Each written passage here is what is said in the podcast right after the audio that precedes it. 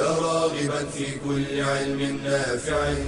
ينمو العلم ويتقدم بتقنياته ومجالاته ومعه نطور أدواتنا في تقديم العلم الشرعي. أكاديمية زاد. زاد أكاديمية ينبوعها. صاف صاف ليروي غلة الظمآن. والسيرة العلياء عطرة الشدى. طيب يفوح لأهل كل زمان. بشرى لنا زاد أكاديمية للعلم كالأزهار في البستان. بسم الله الرحمن الرحيم. الحمد لله رب العالمين. والصلاة والسلام على نبينا محمد وعلى آله وصحبه أجمعين. أما بعد السلام عليكم ورحمة الله وبركاته. تقدم معنا في الدرس الماضي شيئا من تعامل النبي عليه الصلاة والسلام مع الأطفال والصغار وكيف أنه كان يحنو عليهم ويعطف وأنه كان يمسح على رؤوسهم ويأمر من شكا قسوة قلبه أن يمسح على رأس اليتيم. وكان أيضا صلى الله عليه وآله وسلم يمسح على خد الأطفال. وهذا كله من باب التحبب إليهم وإظهار العطف والشفقة. جابر بن سمرة رضي الله عنه يقول صليت مع رسول الله صلى الله عليه وآله وسلم. صلاة الأولى ثم خرج إلى أهله وخرجت معه. فاستقبله ولدان. فجعل يمسح خدي أحدهم واحدا واحدا. أولاد أطفال. يمسح على خد كل واحد منهم. وقال وأما أنا فمسح خدي. قال فوجدت ليده بردا أو ريحا كأنما أخرجها من جونة عطار. شوف العطف. قال النووي رحمه الله وفي مسحه عليه الصلاة والسلام الصبيان بيان حسن خلقه ورحمته للأطفال وملاطفتهم. وأنت إذا ذهبت تحلل وتنظر في سيرة الرسول عليه الصلاة والسلام دائما وابدا قارنه بمن هو في مثل حاله أو شبيها منه. النبي عليه الصلاة والسلام الرجل الأول في الدولة. النبي عليه الصلاة والسلام قاضي يفصل في الخصومات. الرسول عليه والسلام قائد عسكري يقود الغزوات والمعارك. الرسول عليه الصلاة والسلام زوج وأب وهو أخ لجميع المسلمين. يحل مشاكلهم. مع كل هذه المسؤوليات لم يكن عليه الصلاة والسلام متجهم الوجه. حاشا وكلا. كان دائما الابتسامة. كان يعطف على الأطفال الذين هم في الغالب عند من هم بمثل مسؤولياته عليه الصلاة والسلام تجدهم أبعد الناس عنهم. من كان في مكانته عادة يمضي الأوقات الطويلة والساعات في التقرب إلى كبار السن إلى من هم ذوي جاه وسلطان القيادات العسكرية الكذا. أما الأطفال فهؤلاء يعني آخر الموجودين على القائمة. ومع ذلك صلى الله عليه وآله وسلم انظر إلى التوازن العجيب الذي أرسله الله تعالى لنا ليكون لنا قدوة وأسوة. النبي عليه الصلاة والسلام مع حبه وعطفه وشفقته إلا أنه لم يكن يحول ذلك كله بينه وبين تعليم. الصبيان ونهيهم عن المنكر. عمر بن أبي سلمة رضي الله عنه وأرضاه وهو ربيب النبي عليه الصلاة والسلام بمعنى أنه تربى في حجره وفي بيته. قال كنت غلاما في حجر النبي عليه الصلاة والسلام وكانت يدي تطيش في الصحفة إذا أكل. تعرف الأطفال إذا أكلوا ربما أكل من أمام الناس ربما طاشت يده هنا وهنا ربما أسقط الطعام على نفسه. كيف تتعامل مع الطفل؟ هذا التعامل أساس في تكوين شخصية هذا الغلام. الرسول عليه الصلاة والسلام يقول له يا غلام سم الله وكل بيمينك وكل مما يليك. كلمات معدودة أوامر محددة يتعلم منها الصبي النظام. أما ما يفعله البعض ونحن نرى ذلك في الأسواق في المطاعم نرى ذلك بين أقاربنا أن الطفل إذا فعل امرا خطأ أو سكب شيئا من الطعام على نفسه أو على الأرض أو كذا ما يضرب ويزجر. ما هذه بالطريقة الصحيحة في التعامل مع الأطفال؟ النبي عليه الصلاة والسلام يجلس مع الغلام الصغير في كثير من البيوت. إذا وضع الطعام شيلوا الأطفال خذوهم إلى غرفة أخرى. ضعوا لهم السفرة في مكان آخر ما يأكلون معنا. ليش؟ لا نريد الإزعاج. لا ن... يا أخي كيف يتربى الطفل؟ كيف تستطيع أن تراقبه وأن تصوب خطأه وزلله وتربيه على الطريقة الصحيحة إن لم تره؟ الفصل هذا ما يصلح. يقول عمر بن أبي سلمة يقول فما زالت تلك طعمتي بعد.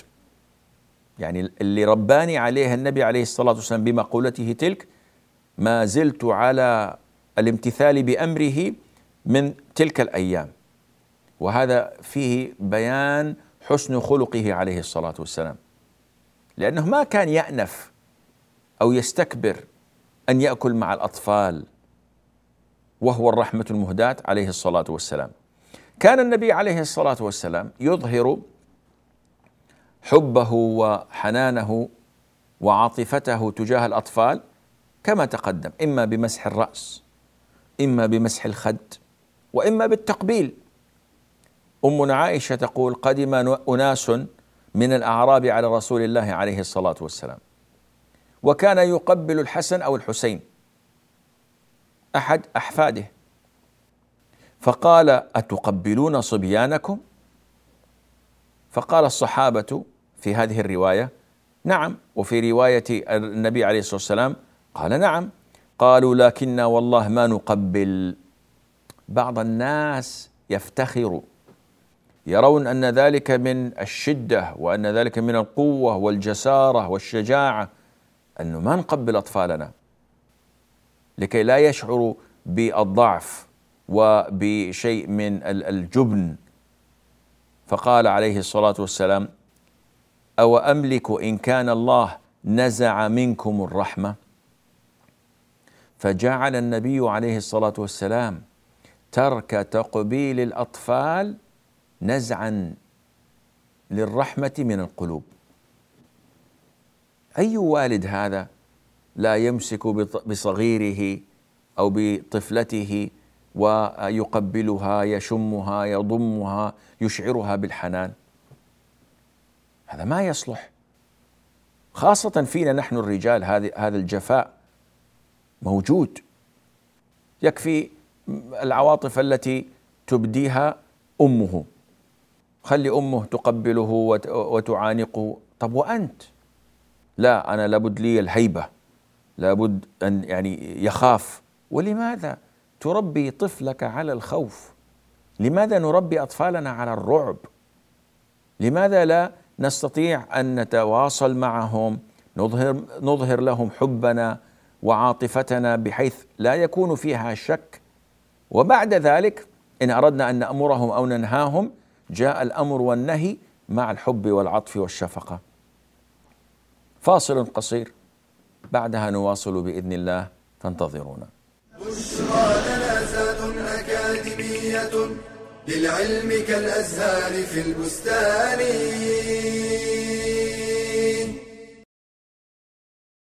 به تنكشف الكربات وتستنزل البركات وتستجلب الرحمات.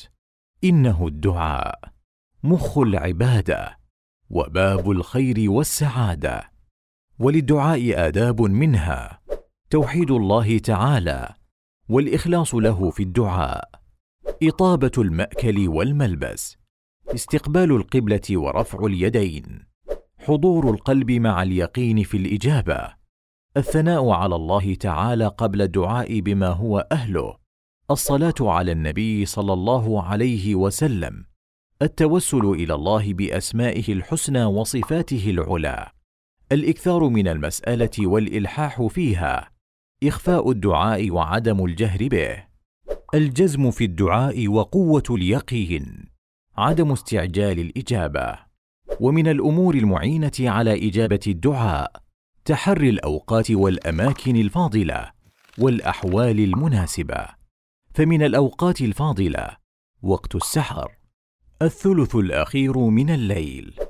آخر ساعة من يوم الجمعة. وقت نزول المطر عند سماع الأذان وبين الأذان والإقامة ومن الأماكن الفاضلة المساجد عموما والمسجد الحرام خصوصا ومن الأحوال التي يستجاب فيها الدعاء دعوة المظلوم دعوة المسافر دعوة الصائم دعوة المضطر دعوة الوالد لولده. ودعوة المسلم لأخيه بظهر الغيب. قال رسول الله صلى الله عليه وسلم الدعاء هو العبادة. ثم قرأ وقال ربكم ادعوني أستجب لكم. إن الذين يستكبرون عن عبادتي سيدخلون جهنم داخرين. بشرى جنازات أكاديمية للعلم كالأزهار في البستان السلام عليكم ورحمة الله وبركاته. النبي صلى الله عليه وآله وسلم يقول تهادوا تحابوا. وكان يحث على إعطاء الهدايا. وأمنا عائشة الأحاديث في أنها تهدي أقربهم إليها بابا معروفة. الهدايا للصغار أمرها أهم وأعظم. لأن الهدية لها أثر طيب في النفس البشرية عامة لكنها مع الصغار أكثر تأثيرا وأكبر وقعا ولذا كان النبي عليه الصلاة والسلام يجتهد في إعطاء الصغار هذه الهدايا كم منا من يذكر إحسانا أهدي له وهو صغير. في أمور ما تنساها.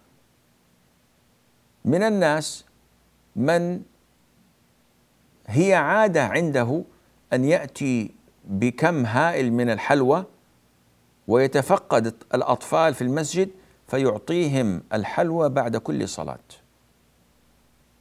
حتى أصبح الأطفال يتسابقون إلى الصلاة من أجل الحلوى. وليس في هذا كما قد يعتقد البعض أوه هذا شرك في النية والأطفال تعودوا على أن يأتوا للصلاة من أجل الحلوى طلبنا العلم لغير الله فأبى الله إلا أن يجعله خالصا لوجهه. هذه تأتي مع الوقت. وهذول الاطفال يحفزون على العبادة والطاعة بأي طريقة ممكنة وهم غير مكلفين أصلا. لكن الهدية لها أثر عجيب. النبي عليه الصلاة والسلام كما جاء عن أبي هريرة رضي الله عنه وأرضاه كان يؤتى بأول الثمر. يعني أهل المدينة أهل زرع فكانوا يزرعون. فإذا أنتجت الشجرة بأول ثمر لها فيقول اللهم بارك لنا في مدينتنا وفي ثمارنا وفي مدنا وفي صاعنا بركة مع بركة. المدينة بركة. والرسول قد دعا بالبركة لها ولأهلها ثم يعطي أصغر من يحضره من الولدان. هم أتوا له بأول الثمر أكل منه وأعطى لأصغر من حضره من الولدان. فماذا يكون شعور ذلك الطفل وهو يأخذ هذه الهدية النفيسة؟ تمر ولا رطب من يد النبي عليه الصلاة والسلام؟ وقال النووي رحمه الله وفيه بيان ما كان عليه الصلاة والسلام من مكارم الأخلاق وكمال الشفقة والرحمة وملاطفة الكبار والصغار وخص بهذا الصغير لكونه لكونه أرغب فيه. الطفل لما يرى الحلوى أو يرى الثمار يتطلع إليها وصبره أقل من غيره. وقد سبق معنا حديث أم خالد. عندما أتي بثياب وفيها خميصه سوداء. فقال من ترون أن نكسو هذه؟ فسكت القوم فدعا بأم خالد وألبسها إياه أو هذا هذه الخميصة ألبسها إياها بيده عليه الصلاة والسلام. اذا الهدية لا تنسى. الإحسان يظل عالقا في الذهن مشجعا للآخر أو للشخص أن يفعل مثل ما فعل له فيحسن ويعطي. ولذلك من كان في صغره يعطف عليه ويقابل بمشاعر الحب والحنان ويهدى إليه الهدايا تجده يفعل ذلك إذا كبر. ونحن صغار عادة كانت في العيد أن تغلف الهدايا وأن تدفع الأموال النقدية العيديات وينتظرها الأطفال من عام إلى عام. الهدية لها وقع جميل على النفس وخاصة عند الأطفال. طيب ماذا يحدث إذا أخطأ الطفل؟ ألا نربيه؟ ألا ننصحه؟ لا شك أن نصيحة الطفل على الدوام واجبة ولكن الأسلوب يختلف. أنت لابد أن تنظر إلى المآلات من أفعالك واختياراتك. إذا أردت أن تقوم بعمل انظر ماذا يحصل كأثر لهذا العمل. ولا تسبوا الذين يدعون من دون الله فيسبوا الله عدوا بغير علم. سبوا الآلهة وتس و و وإظهار أنها لا تستحق أن تعبد من دون الله وأنها لا تضر ولا تنفع أمر محمود. لكن إن ترتب على هذا أن يقوم مشرك سفيه بسب الله عز وجل امتنع. فإنما الأمور بالمآلات. الطفل الذي يقوم بالخطأ تأديبي إياه لابد أن يكون مضبوطا بالشرع. ففي ناحية تجد من الناس من يقول نحن لا نربي الطفل ولا ننهره ولا نؤدبه وليفعل ما شاء. وهذا خطأ. قال عليه الصلاة والسلام مروهم بالصلاة لسبع واضربوهم عليها لعشر. لا بد من التربية لكن في حدود الشرع. ومنهم من لا يستخدم إلا العنف مع أولاده. معتقدا أن هذه هي الطريقة المثلى للتربية. النبي عليه الصلاة والسلام يتعامل مع المخطئ من الأطفال بأسلوب حكيم رشيد عاقل يتناسب وصغر سنه. أبو رافع ابن عمرو الغفاري رضي الله عنه قال كنت غلاما أرمي نخل الأنصار فأخذوني فذهبوا بي إلى النبي عليه الصلاة والسلام. فقال يا غلام لم ترمي النخل؟ قلت يا رسول الله الجوع.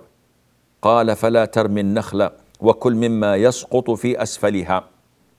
ثم مسح رأسه فقال أشبعك الله وأرواك. لا إله إلا الله. صبي يرمي الثمار ليأكل منها. أصحاب الشجر أخذوه واعتقلوه وأخذوه إلى الرسول عليه الصلاة والسلام. ما علوه ضربا ما عاقبوه هم بأنفسهم أخذوه إلى القاضي. القاضي لم يحكم عليه بلا بينة ولا استفسار واستفصال كما يفعل في كثير من الأحيان بل سأله دافع عن نفسك أنت بريء حتى تثبت إدانتك. فبين له أنه ما حمله على ذلك إلا الجوع.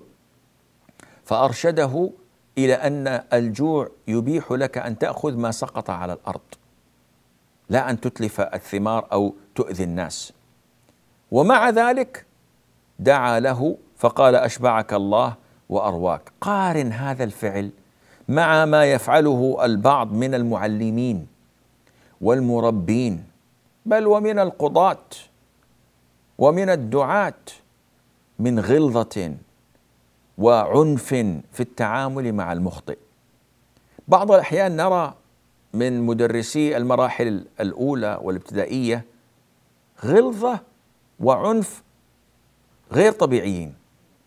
يعني تجد أن هذا المدرس أو ذاك المربي يعاقب الطفل لا ليؤدبه بل لينتقم منه.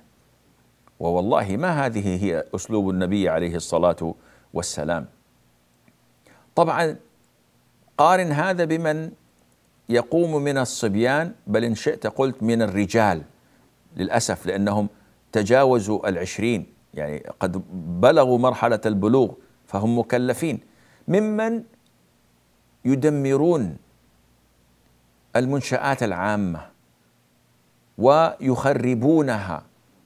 هل يعقل أنك تمر في بلد كبير ولا تجد هاتف عمومي على قيد الحياة يأتي السفهاء ممن أخفقنا في تربيتهم بتكسيرها وإساءة استعمالها وقطعها وتدميرها هذه العبارات السيئة التي تكتب على جدران المدارس والبيوت والأسوار العالية هل يفعل ذلك مسلم؟ هل تربوا على الإسلام؟ الحق يقال أنهم لم يتربوا على الإسلام. والذين يصححون مسارهم ويصلحون أخطاءهم أيضا ما تربوا على الإسلام.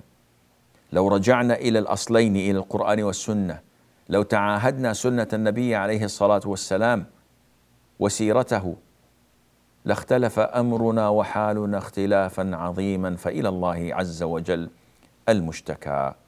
فاصل قصير. وبعدها نواصل بإذن الله. بشرى لنا أكاديمية للعلم كالأزهار في البستان.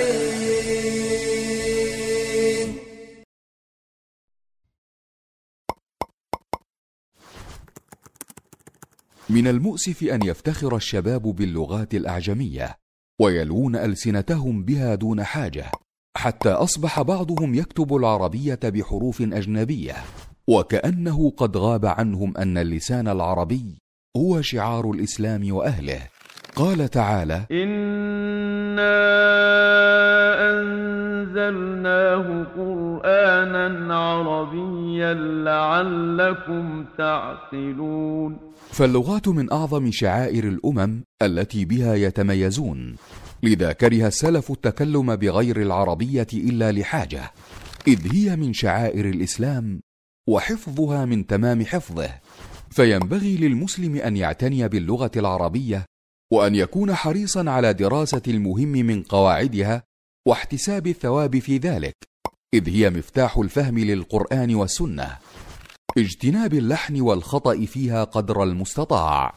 عن نافع قال كان ابن عمر يضرب ولده على اللحن. مطالعة كتب الأدب في التراث العربي لا سيما الكتب التي يذكر فيها الشعر والنثر.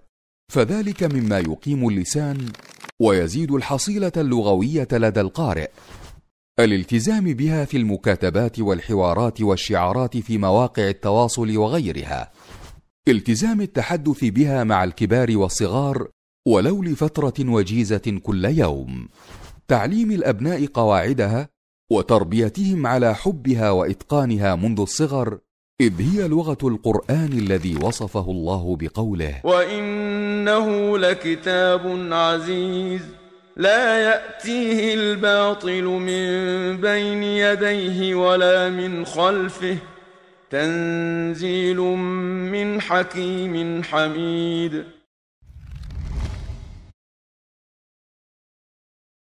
بشرى لنا أكاديمية للعلم كالأزهار في البستان السلام عليكم ورحمة الله وبركاته. النبي عليه الصلاة والسلام يمسح على الرأس، يمسح على الخد، يقبل الصغار لم تكن هذه فقط سبل التحبب واللطف والعطف على الصغار بل كان أيضا يناديهم بالأسماء الجميلة بالأسماء الرقيقة التي تدل على التحبب فكان يناديهم بأحسن أسمائهم ويكنيهم بأفضل ما يكنون بهم به أو يصفهم بشيء حسن. فتارة ينادي الصغير فيقول أو الصبي فيقول يا غلام إني معلمك كلمات احفظ الله يحفظك. شوف يا غلام هذا الكلام لعبد الله بن عباس. اسم جميل يا غلام. كما يقول الصبي للكبير يا عماه أو يا عم. يحدث عمر بن أبي سلمة فيقول له يا غلام سم الله وكل بيمينك وكل مما يليك. اذا ما قال له يا ولد يا كذا أو شتمه أو لا ابدا يا غلام لفظ أو اسم جميل. وربما ينادي الصغير فيقول يقول له يا بني. أنس بن مالك رضي الله عنه كان يدخل على بيت النبي عليه الصلاة والسلام ويخرج بدون استئذان. وكان يكشف على أمهات المؤمنين. فلما نزلت آيات الحجاب قال عليه الصلاة والسلام وراءك يا بني. يعني خلاص. يا بني يا أنس الآن انتهى الأمر لا بد لك من الاستئذان قبل الدخول لأن الحجاب قد فرض على أمهات المؤمنين. وأيضا عندما استشهد ابن عمه جعفر بن أبي طالب رضي الله عنه وأرضاه في غزوة مؤتة وكان أحد القادة الثلاثة الذين عينهم الرسول صلى الله عليه وآله وسلم جعفر بن أبي طالب وزيد بن حارثة وعبد الله بن رواحة رضي الله عنهم أجمعين. لما بلغه خبر استشهاده قال ادعوا لي بني أخي. فاذا التلطف مع الأطفال وتسميتهم بالأسماء المحببة يا أبا عمير ماذا فعل النغير؟ هذا الطفل في ثلاث ثلاث سنوات عمره. فاذا العلماء قالوا جواز تكنية الصغير وهي من السنن التي ربما نكون قد يعني نسيناها أو فرطنا فيها. يعني ما أجمل أن يسمي الرجل ابنه أو ابنته بكنية طيبة. ولده يقول فين أبو عبد الله؟ يسميه أبو عبد الله. ابنته الصغيرة يقول لها مثلا يا أم سلمة أو يا أم عبد الرحمن يشعرها بشيء من الحنان. هذا تعامله صلى الله عليه وآله وسلم. فأين هذا التعامل؟ السهل الهين اللين مع التعامل الغليظ والقاسي الذي يلاقيه كثير من أطفالنا اليوم. النبي عليه الصلاة والسلام هو القدوة والأسوة. كثير من القنوات الخبيثة تشجع المرأة على التحلل من دينها. لا أقول تطالب بحريتها أقول تطالب المرأة بالتحلل وترك الدين ويسمونه التمكين. قالوا نريد أن نمكن للمرأة. النبي عليه الصلاة والسلام وهديه خير الهدي. كان يمكن للأطفال. كان يعودهم تحمل المسؤولية منذ صغرهم. لأن هؤلاء الأطفال اليوم هم رجال الغد والمستقبل. أنس رضي الله عنه وأرضاه خادم النبي عليه الصلاة والسلام قال أتاني النبي عليه الصلاة والسلام وأنا ألعب مع الغلمان. طفل يلعب مع الصغار. فسلم علينا شوف التسليم على الصغار. يريد أنس لكنه يسلم على الجميع. قال فبعثني إلى حاجة. يعني أرسلني في مشوار. فأبطأت على أمي. فلما جئتها قالت ما حبسك؟ فقلت كانت لنبي الله صلى الله عليه وآله وسلم حاجة. يعني أرسلني في أمر. فقالت ما حاجته؟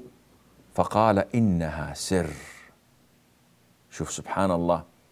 النبي عليه الصلاة والسلام يستخدم أنس يستخدم أنسا ويعلمه بأن هذا الأمر أمر سري.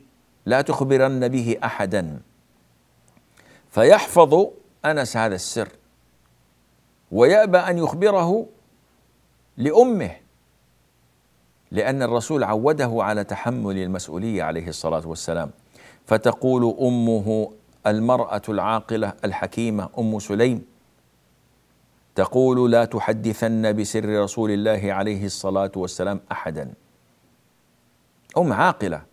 اليوم لو أحد أطفالنا قال لنا هذا الأمر لا حبسناه ولا شددنا وثاقه ولا علقناه من قدميه منكوس الرأس إلى أن يعترف. هذا خلل. الأمة الصالحة تربي في ولدها الحفاظ على العهد والسر. أنس رضي الله عنه قال لثابت البناني قال والله لو أخبرت أحدا بسر الرسول عليه الصلاة والسلام لأخبرتك. يعني حتى بعد هذه السنين ما أخبر أحدا بالسر لأن هذه تربية النبي عليه الصلاة والسلام.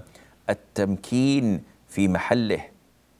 يمكن لهذا الصغير كي يكون من رجال المستقبل. آه، الحافظ بن حجر رحمه الله يعني استنبط أن هذا السر خاص بنساء الرسول عليه الصلاة والسلام وليس من أمور العلم الشرعي الذي لا يسع انسا أن يكتمه.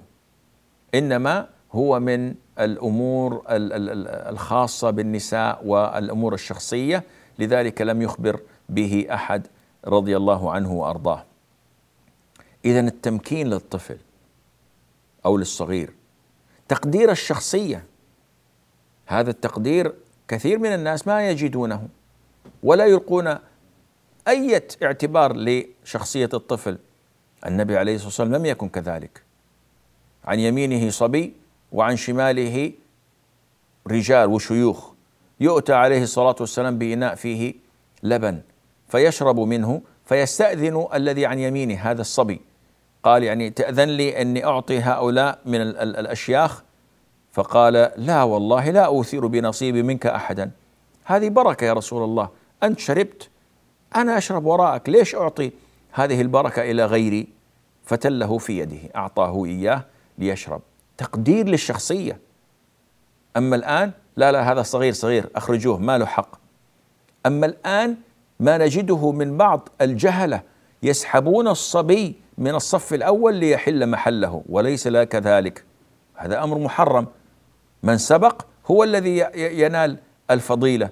أما أن تسحب هذا الغلام لأنه غلام هذا مخالف لإحترام الشخصية الطفل. الذي يبعث اعتماد الاعتماد على النفس والشعور بالراحة وينمي مواهبه كما كان يفعل عليه الصلاة والسلام عوضا عن التعامل معه باستخفاف والتقليل من مكانته مما يؤدي إلى العقد النفسية والاضطرابات والدونية وغير ذلك. وكان عليه الصلاة والسلام يشدد على الصدق مع الأطفال حتى في عمر صغيرة. تلك الصحابية التي قالت لولدها عبد الله بن عامر تعال أعطيك. فقال عليه الصلاة والسلام وماذا تريدين أن تعطيه؟ ففتحت يدها وقالت تمرة. فقال أما إنك لو لم تعطيه شيئا كتبت عليك كذبة. قارن هذا بتعاملنا مع أبنائنا. عندما يريد أحدهم أن يصطحبنا في الخروج لا لا اجلس أنا ذاهب إلى الدكتور حيعطيني إبرة. يتربى الطفل في بيوتنا على الكذب. تأتي يأتي اتصال هاتفي قل له إني لست موجودا. قل له بابا خرج. تعلمه على الكذب. ومن تربى على الكذب عاش على الكذب. وسيكون مختلسا وسيكون مرابيا وسيكون ممن يتعاطون الرشوة. ولذلك الخلل مبدأه في تربيتنا لصغارنا. في الأساس وبهذا الدرس نكون قد ختمنا منهج الفصل الثالث من سيرته وشمائله وكيفية تعامله مع الناس بشتى أطيافهم وأنواعهم صلى الله عليه وآله وسلم. أسأل الله عز وجل أن يجعلني وإياكم ممن يستمعون القول فيتبعون أحسنه وأن ينفعنا بما نسمع وأن يزيد في علمنا وأن نستعمله فيما فيه صلاح دنيانا وآخرتنا وأن يجعل ما تعلمناه شفيعا لنا يوم القيامة في القرب منه صلى الله عليه وآله وسلم وفي أن نحشر تحت لوائه إنه ولي ذلك والقادر عليه. وصلى الله وسلم وبارك على نبينا محمد وعلى آله وصحبه أجمعين. والسلام عليكم ورحمة الله وبركاته. يا راغبا في كل علم نافع. متطلعا لزيادة الإيمان وتريد سهلا النوال ميسرا يأتيك ميسورا بأي مكان. زاد زاد أكاديمية ينبوعها صاف صاف ليروي غلة الظمآن والسيرة العلياء عطرة الشدى. طيب يفوح لأهل كل زمان.